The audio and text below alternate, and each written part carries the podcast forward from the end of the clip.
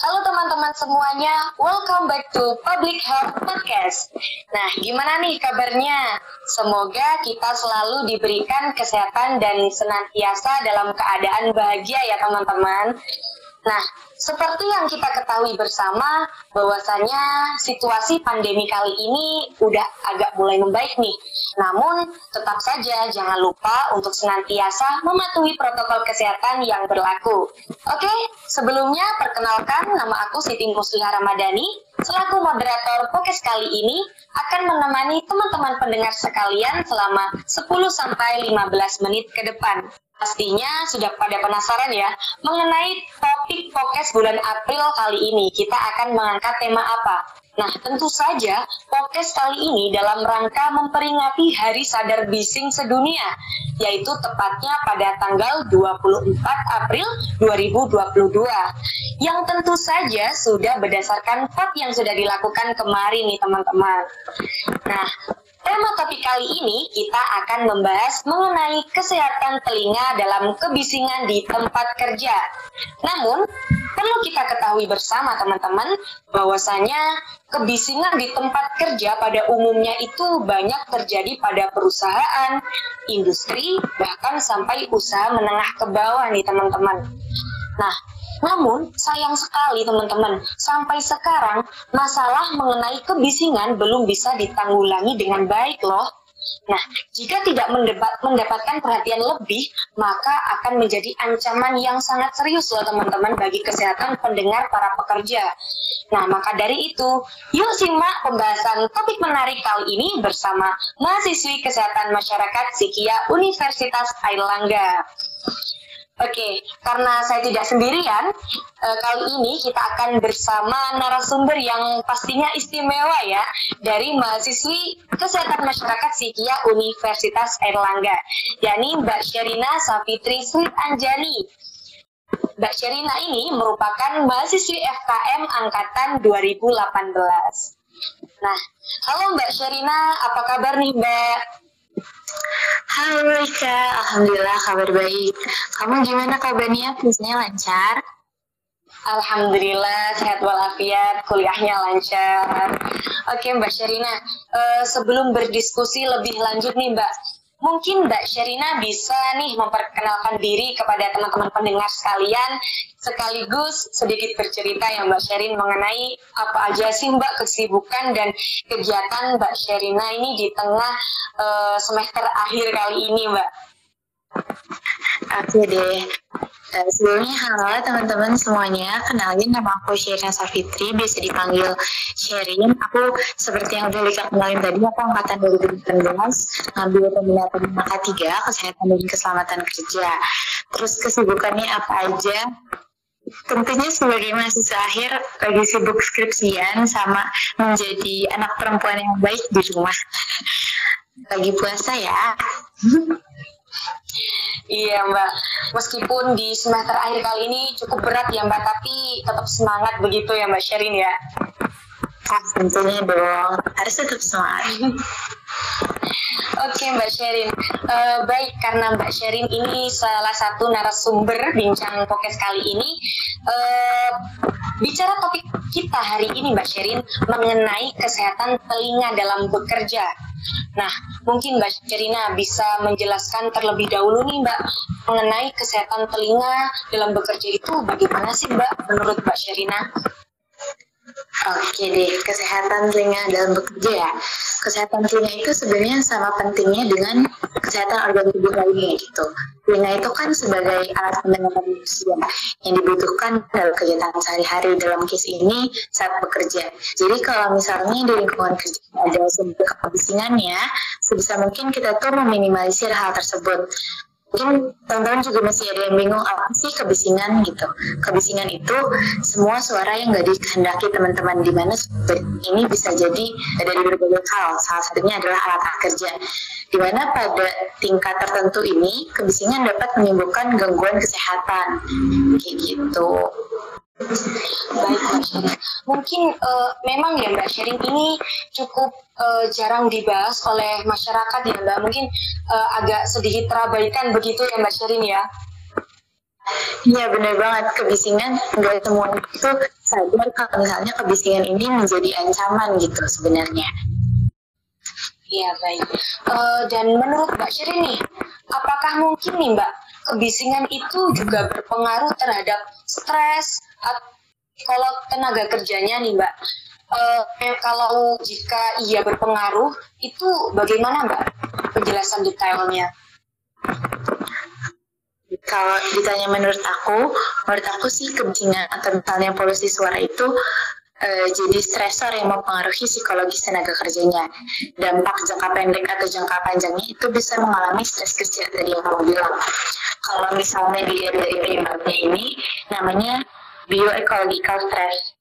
Uh, ini juga ada beberapa penelitian yang mendukung. Salah satunya itu yang aku baca itu yang uh, dilakuin uh, penelitian yang dilakuin oleh Milad Abasi dan kawan-kawan di tahun 2020. Uh, mereka meneliti kepada para pekerja di industri tekstil, di mana hasilnya ini nunjukin kalau misalnya kebisingan ini punya efek yang signifikan terhadap peningkatan stres kerja. Kenapa kayak gitu? Karena kalau misalnya uh, ada kebisingan di tempat kerja yang pertama, kita jadi mau fokus, iya enggak? Kalau misalnya tempat kerjanya berisik, kita mau sulit, uh, kita mau berkonsentrasi pada pekerjaan juga sulit gitu. Fokusnya jadi terbelah-belah. Terus yang kedua itu bisa menimbulkan pusing dan gangguan lain. Terus yang ketiga, kalau misalnya kita uh, mau diskusi atau ngobrol gitu dengan rekan kerja. Karena ada kebisingan otomatis kita kan pasti menaikkan nada suara kita ya kan?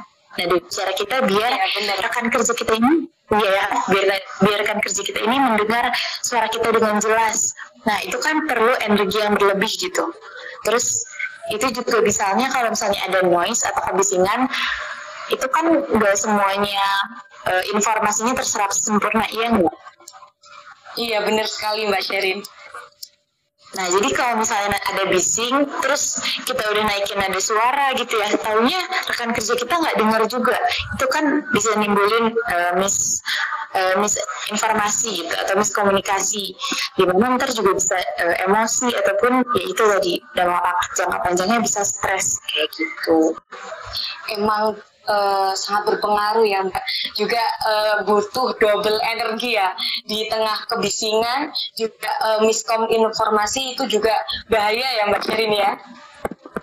Iya tentu bahaya ya banget apalagi kalau kita menyampaikan hal-hal penting tapi ternyata malah nggak sampai dengan baik gara-gara ada kebisingan tersebut. Oke. Dan uh, selanjutnya Mbak, kalau sudah tadi kan uh, sudah ada penjelasan mengenai pengaruh kebisingan terhadap stres dan psikologis juga uh, dapat mengganggu lingkungan ya Mbak Sherin. Nah, bagaimana nih upaya untuk menjaga kesehatan telinga, khususnya bagi tenaga kerja yang mana bekerja di tempat yang sangat bising tadi.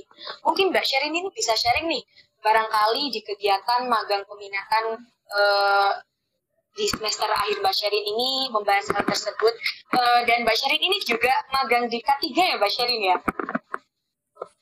Iya benar, aku magangnya uh, di Departemen HSSE. Tapi kalau aku kan magangnya di Temas gitu pelabuhan itu ada kebisingan tapi kebisingannya juga enggak terlalu menjadi masalah gitu. Cuma mungkin yang bisa aku sharing uh, upayanya gimana ya kalau misalnya uh, bekerja di tempat kebisingan? Iya mbak. Benar. Kalau misalnya bekerja di tempat kebisingan, kalau di K3 itu ada namanya hierarchy of control atau tingkat uh, atau hierarki pengendalian di mana ada lima tingkatan mulai dari eliminasi, substitusi, engineering control, administratif, dan pemakaian APD. Dan tahap pertama itu tahap eliminasi, di mana tentu saja kita tuh harus mengeliminasi atau menghilangkan sumber bisingnya. Tapi di beberapa case atau e, sering kali ini tuh nggak bisa dihindari gitu, nggak bisa dihilangkan. Misalnya e, dari misalnya sumber bisingnya dari alat ya alat ini nggak bisa dihilangkan karena kalau misalnya alatnya dihilangkan nanti uh, tidak nggak ada yang bisa membantu proses pekerjaannya misalnya kayak gitu makanya kita bisa lanjut ke tahap kedua atau tahap substitusi penggantian kita ganti misalnya menggunakan alat lain yang sumber yang kebisingannya itu lebih rendah atau bahkan tidak kebisingan sama sekali kayak gitu Terus yang tahap ketiga itu ada engineering control. Misalnya dengan cara uh, kita mengisolasi sumber bisingnya.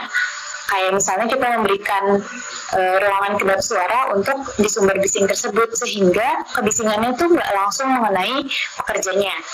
Terus tahap keempat itu ada administratif misalnya nih ya stakeholder atau misalnya pemberi kerja atau misalnya ada departemen HSSE atau hmm, departemen ketiganya itu memberikan sosialisasi terkait kebisingan ke tenaga kerjanya kayak misalnya ngasih sosialisasi ya, gimana sih bahayanya kebisingan itu?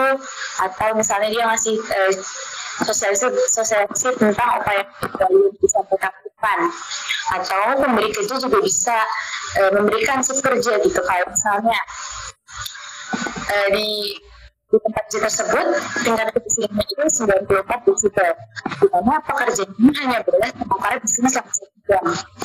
Berarti uh, untuk satu jam berikutnya itu bisa ganti pekerja satu jam berikutnya lagi ganti pekerja. Jadi pekerja tersebut uh, nggak boleh terpapar kebisingan lebih dari satu jam. Kalau misalnya 94 dB ini teman-teman bisa lihat peraturannya itu di uh, Permenaker Trans nomor 13 tahun 2011 2011 sorry jadi di situ sebenarnya ada NAB kebisingan. NAB kebisingan sendiri kan di Indonesia ada berapa Jadi kalau lebih dari itu eh, ada batas-batas waktu yang boleh uh, pekerja ini terpapar. Kalau misalnya di atas uh, 130 atau 140 gitu, udah nggak boleh terkena kebisingan sama sekali.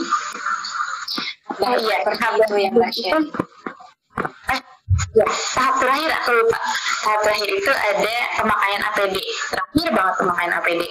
APD-nya bisa apa? Ada earplug ataupun earmuff yang bisa lebih eh, lebih nyampe gitu bahan kebisingannya. Baik, baik Mbak Sherin. Nah, untuk pertanyaan terakhir nih Mbak, mungkin Mbak Sherin uh, ada closing statement nih untuk uh, perbincangan kita kali ini atau tipsnya Mbak Sherin agar senantiasa teman-teman itu menjaga kesehatan telinganya agar tidak terpapar dengan uh, kebisingan yang ekstra begitu ya Mbak Sherin. Oke, okay. tips atau closing statement dari aku mungkin bagi teman-teman yang misalnya lagi kerja ataupun misalnya lagi kuliah online gitu ya tapi lingkungan kerjanya ada sumber bising gitu sebisa mungkin teman-teman hindari sumber bisingnya. Yang pertama itu, kalau misalnya bisa dihindari, teman-teman sebisa mungkin hindarin. Yang kedua, kalau misalnya emang nggak bisa dihindarin, teman-teman e, kayak kata aku tadi, mungkin teman-teman bisa menetapkan e, waktu waktu kalian bekerja atau waktu kuliah kuliah kalian di tempat tersebut. Misalnya, oh selama dua jam aja udah cukup gitu. Jadi kalian juga tidak terpapar bising secara terus menerus gitu. Terus yang ketiga juga teman-teman bisa pakai uh, APD kayak earplug ataupun earmuff. Terus teman-teman jangan lupa juga ini penting untuk bersihin telinganya secara berkala dan juga tes audiometri secara berkala untuk teman-teman mengetahui apakah telinga teman-teman masih bisa berfungsi dengan baik dan normal atau enggak. Gitu aja sih dari aku. Baik Mbak Sherin, sangat luar biasa pemaparannya, uh, sangat bermanfaat bagi kita semua para pendengar tentunya agar senantiasa menjaga kesehatan telinga karena kesehatan telinga itu juga sangat vital ya Mbak, sangat penting untuk uh, kita jadi ya Mbak. Benar. Sangat vital tapi kadang terlupakan, Mbak Lika. Ya benar sekali Mbak. Oke Mbak Sherin, uh, sayang sekali kita harus uh, sudah akan selesai. Mungkin di uh, episode selanjutnya kita akan bertemu kembali ya Mbak Sherin. Dan terima kasih Mbak Sherin karena telah meluangkan waktunya untuk menjadi narasumber pada podcast kali ini. Semoga kegiatan Mbak Sherin yang jalankan sekarang lancar sampai lulus ya Mbak Sherin ya. Amin, amin, Allahumma amin. Terima kasih juga teman-teman udah menghadirkan aku di sini. Aku juga semoga kalian semua juga sehat selalu dan lancar-lancar kuliahnya. Amin. Terima kasih Mbak Sherina. Sekian uh, teman-teman podcast kali ini. Uh, semoga kita senantiasa dalam keadaan sehat dan selalu bahagia.